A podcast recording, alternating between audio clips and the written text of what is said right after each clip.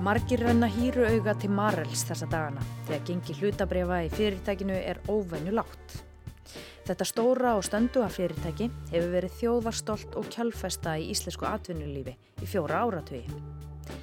Ekkert annað félag í íslensku kaupöldinni hefur komist nálagt í að vera jafn vermætt og Marel. Þegar best létt var það metið á 700 miljardar krónu. En undanfarið tvö ár hefur gengi fyrirtækisins í kaupöldinni farið hríðlækandi. Lækunin hefur hrundið á stað atbyrjarás sem leitið til þess að Árni Óttur Þórðarsson þurfti skindilega að hætta sem forstjóri og fara fram á greiðslustöðun. Maðurinn sem hefur leitt fyrirtækið í gegnum æfintýralegan vöxt og trónað á toppi hátekjulistana í áraræðir rær nú lífróður til að bjarga stöðu sinni. Hann hefur á samt föður sínum, Þóruði Magnúsinni, á tæplega helmingslut í Eyri Invest sem átti tæplega fjórðung í Marel. Þegar Arjón banki tók til sín hlut árna odds í Eyri á dögunum, hrykti heldur betur í stóðum þessara fyrirtækja. Þessi óvennilega staða, látt gengi hlutabrefa í Marel og fjárasvandraði forstjórans fráfarandi, far ekki fram hjá þeim sem eiga peninga og vakta hlutabrefamarkaði. Í fjölmiðlum má lesa ímsar útgáfur á því sem hefur gerst á bakvið tjöldin. Í heimildinni er því haldið fram úr ranni gömlu eigenda Marels að Arjón banki hafi gengið erinda stóða og samherja þegar bankin tók hlutabref Árna Odds upp í skuldir. Viðskiptameðlinn innherji heldur því hins vega fram að persónleg skuldastaða Árna Odds hafi knúið bankan til þessa neyðaróraðis. Ég heiti Þóra Tómasdóttir og í þetta helst í dag ræðum við um baráttuna um bitana í þessu stóra og merkilega fyrirtæki, Marel. Marel er náttúrulega eh, kannski svona einn af fáum risum á alþjóða markaði, íslenskum risum. Þetta er Magnús Geir Ejjálsson, fréttamaður Rúf. Reysastótt fyrirtæki með tengslutum allan heim uh, eru leiðandi á heimsvísu á sínu sviði sem er að framleiða alls konar færiböndu og robóta og þess aftar og hefur kannski greiðalegt vægi í íslensku atvinnulífi. Þar sem gerist er að uh, í ákvæðum lánarsamlings Árna Odds við Arjóbanka er ákvæðum að við ákveðna stöðu þá geti Ærjóbanki gert veðkall sem hann og gerir. Það ásir náttúrulega þannig aðdraðand að hlutabreyfi Marel hafa lækkað mjög hratt undanverið tvö ár. Uppgjörinn hafa verið sífældundi vætningum og kannski fyrir heitn átna áts um bættaregstastöðu hafa ekki gengið eftir. Það er augljóst á yfirlýsingum átna áts að það hafa átt sér miklar viðræður milli Ærjóbanka og átna um þetta sem endar svo með því að Arjónbanki gerir viðkall og stöttu setna er svo líka greint fyrir því að Þóruður fæðir átna sem hefur leitt Eiri Invest að það er líka gert viðkall þar þannig að Arjónbanki setur nú með dágóðan hluti Eiri Invest í sínum höndum. Og hvað þýðir það? Það þýðir í raun og veru að vægi eða áhrif þeirra feðga í Eiri Invest sem þeir hafa náttúrulega haft undir á sinni könnu undanfærin bara tvo áratví þau minga Er ágjöf efni hvernig fyrirtæki stendur í dag eða heldur þau að marili eftir að réttu kútnum? Bara ef við rínum í rekstartölunum sem slíkar þá er marili ekkert á fallanda fæti og það er að skila hagnaði. Uh, skuldsetningin er vissulega áhugjefni en ekkert sem er óeigustíðanlegt og það er kannski almennt manna markanum að félagið sé undir verðlagt. Er þá einhvers konar hætta á núna að þegar að brefin eru svona látt verðmetinn að einhverjir hákallar komi úr, úr óvandir átt og reyni að hérna ná völdum í fyrirtækinu? Það er alveg augljóst að það hefur mikið gengið á bakveit tjöldin bara undarfarna mánuði bæði innan Eiris og svo Mari líka. Eh, það var mitt frettir af mögulegri yfirtöku erlendra aðila í oktober. Eh, einhverjir erlendra aðilar ásælist fyrirtækið og ég held að bara markaðinu virki þannig að þegar gengið komið svona látt að þá skapast alls konar tækifæri en það er kannski má fullir að Maril er eftirsokna verið biti í alla staði. Blaðamenn heimildarinnar lýsa atbyrðar ás undafarina vikna sem eins konar matadorspili að hart sé barist um bitana í fyrirtækinu. Heimildamenn blaðsins segja að Arjónbanki hafi gengið erinda stóða og samherja þegar bankin tók til sín hlutabref árna odds upp í skuldir. Helgi Seljan er annar höfundur þessarar umfyllunar. Það sem að gerist er að allt í einu þá er maðurinn sem einhvern veginn svona hafið silt að mörgum fannst og þessir, þessi feðgar átnjóður og þóruður sem hefur svona silt svona tiltölulega, ég er svona skandalalust í gegnum hruni til dæmis virkað svona fyrirmynd og stöðuðir í, í, í sínu um, allt í einu fá menn bara fréttir af því sem að kannski voru ekki að fylgjast mikið með að, að allt í einu er bara átnjóður hættur sem fórstjóri og þeir búin að missa hlut af, af bregunum sem þeir átti í þessu eignarsfélagi Eirin Vest vegna eitthvað skulda að, og þannig að þetta verður svona einhvern veginn held ég kom mörgum mjög óvart. En svo svona þegar maður fyrir að rýna hvað er að gerast þarna þá áta sér auðvitað eins og margt annað aðdraðanda en þessi baróta sem fyrir gangan og sem bankan, það sem að bankin fyrir að gerir þetta veðkall heimtar sem þetta fá borgarlán upp á eh, sem er upphálega einhverja hundruð miljóna lán sem að átnjóður hefur tekið árið 2008 en hefur svona verið velt áfram en, en ástæðan fyrir að vill allt í nú fá að borga þeirra að, að brefin í Maril hafa lækkað og það eru brefin sem liggja undir sem við og bankin vil fá svona frekari tryggingar og hefur rétti þess og, og svona átnið telur sig hafa verið búin að retta því með alls konar vilingum og dýlingum, selur hús og íbúðir og gerir hvað sem er og sapnar hann einhverjum hundruð miljóna bankin hins vegar lætur sér ekki segjast og segir að þetta sé ekki nót og þetta endar með því að bankin er allt í hennu komið með þarna næstu í 10% hlut í Eyri og Eyri er á svo stærsta Eyri sem náttúrulega Marel og þar að leiðandi náttúrulega er,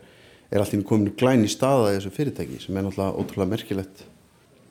Og þessi feðgar búin að vera náttúrulega inn í þessum félagi meir og minna stjórnaði í alltaf fjóðung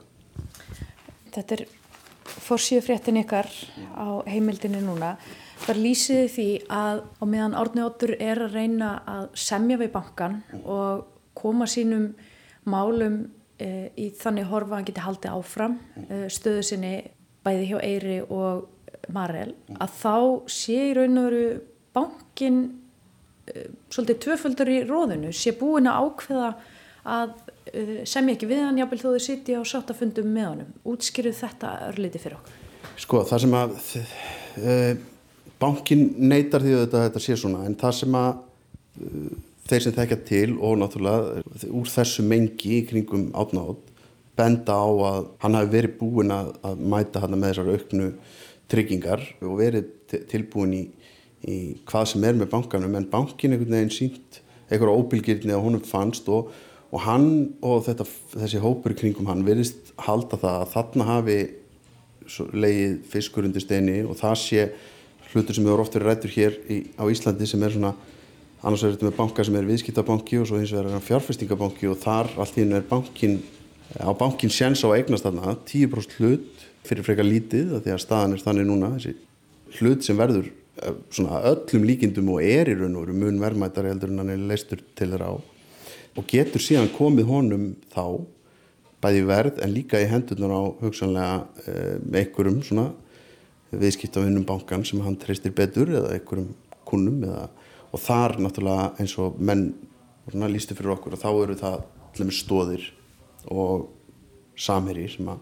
hafðu átt í einhvers konar viðræðum um að koma hana inn en svona, þær verðast einhvern veginn hafa silt í strand eða ekki orðið meir úr þeim en, en það er að minnst okkur svona það sem að undir niðri allavega að þeir hafa óttast að bankin sé hugsanlega að spila þarna þannleik en bankin aftur á móti neytar því þannig að þetta er þetta er mjög forðulegt alls að fylgjast með þessu. Viðskiptamiðlinn Innherji hefur fylst náið með Marel og Eyri Invest og skrifað fjölda frétta um þetta mál. Þar á bæ blasir atbyrgarásinn örlítið öðru sér við.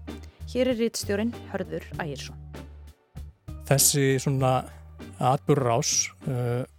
svona endur speiklar þau svona fjárhagsvandraði sem Eh, fjárfestar á hlutbæramarkaði hafa haft áhyggjur af í tegnslu við Marel undanfanna mánuði og jafnvel missiri. Marel hefur glýmt bara sjálft við uh, ákveðu mótlæti út af erfiðu markasæðstöðum undanfærin tvö ár. Það var þurkast út liðlega 500 miljardar að marka sér í félagsins. Afkoman hefur trekk í trekk valdið uh, mombrúðum í uppgjörnum sem hafa komið frá Marel. Eh, hún hefur verið undir þeim svona einmast orða háleitu markmiðum sem, sem stjórnundu félagsins hafa sett sér. Það kemur meðal hans til að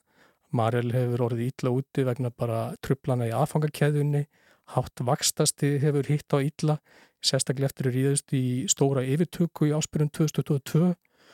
og eins hefur þetta hitt bara marga að þeirra mikilvæg kunnum sem hafa dreigið úr fjárfestingum sem er þá kaup á þeim búnað og tækjum sem Marili með þessu sölu og svo framvegis. En til viðbútar má segja að, að önnur atriði sem lúta kannski ekki beint að rekstri Marils eh, heldur að kjölfestu fjárfestunum í Maril, Eir Invest, það mál hefur haft svona mjög neikvæð áhrif á gengið og það sem fjárfestar hafa óttast að félagið Eirin Vest eh, væri í fyrsta lægi í erfiðleikum mögulega gagvat sínum, einum af sínum stærsta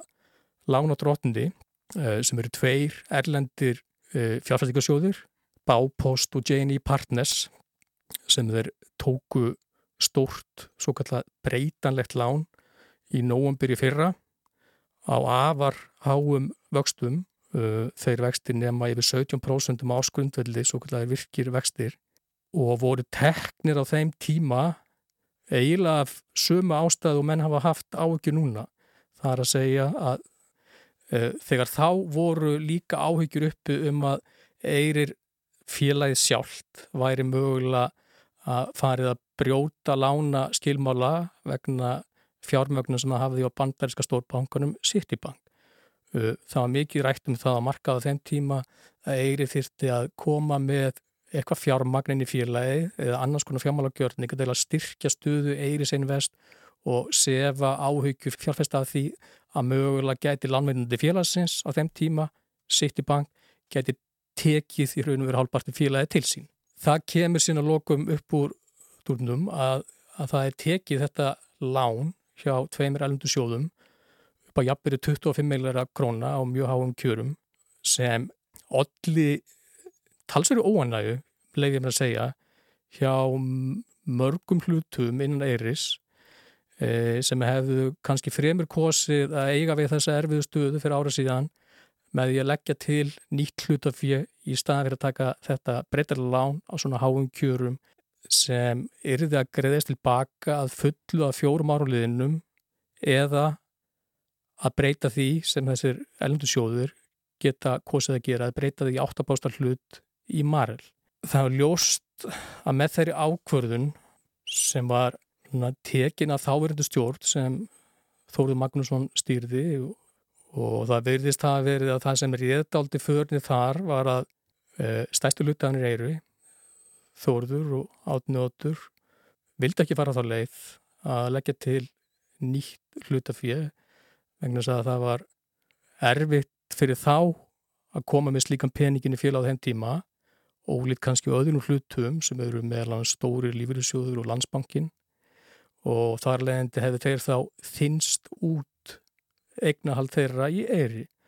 og þeir hefðu þá uh, mórað þannig mist kannski tökin og eiri invest förum þá aðeins tilbaka. Eh, heldur þú að Árni Ottur og Þóruður Magnússon hafi tekið þetta óhagstaða lán til þess eins að tryggja sín völd í Eyri og Marel? Ég ætla ekki að taka svo stertil orða. Ég held að þeir hafi líklega, uh, þeir hafa metið að það væri kannski skynsarlega að gera með þessum hætti. Þeir hafðu greinilega full að trúa því að þetta væri ekki jafn áhættu samur gjörningur eins og núna hefur komið ljós vegna þess að þeir töldu að gengi Marels á þeim tíma að það ætti eftir að rétta verlaði kútnum þegar Mar, Marel næði svona e, frekari viðspilnu og þar leðandi væri ekki verið að, að taka ómikla áhættu með þessu. Aðrir hlutári félaginu eru, voru held í þessu mati mjög ósamala, mm. sérstaklega vegna þess að lánið er mjög íþingjandi og þar leðandi maður segja að svona, það tekið stort veðmál með þessu og svo þetta gerist það sem þetta enginn vonaðist að maður er réttir ekki úr kútnum heldur verður staðan þetta móti verri. Og þá er þetta lánur orðið aldrei svona millusteinn um háls eiris. Og það hafa verið miklar áhugjur af þessu undanfanna mánuði þegar gengið er komið miklu læra heldur en, heldur en þegar lánið var tekið fyrir umlega árið síðan. Og menn hafa haft áhugjur af því að þessi eldu sjóður væri mögulega að komast eða á stöðu að geta bara tekið til sín brefin vegna þess að félagi sé ekki lengur uppfylla lánaskilmála. Alltaf eins og við á innherja fjöllum talsett ítalað um það fyrra árunnu uh, um þær væringa sem auðvitað í eiri í kjölfarað á þessar lánvendingu. Það var stokkað upp í stjórninni, þóruður vek sem stjórnaformar í félaginu eftir 23 uh, ára stjórnaformisku uh, og fleiri breytingar gerðar og ég leiði mér að fullir það að það er alla breytingar eiga rætu svona rekja til þessa fjármálagjörning sem var gerður uh, með litlum upplýsingum annar hlutafa og talsett í óþokk þeirra eftir að það var gert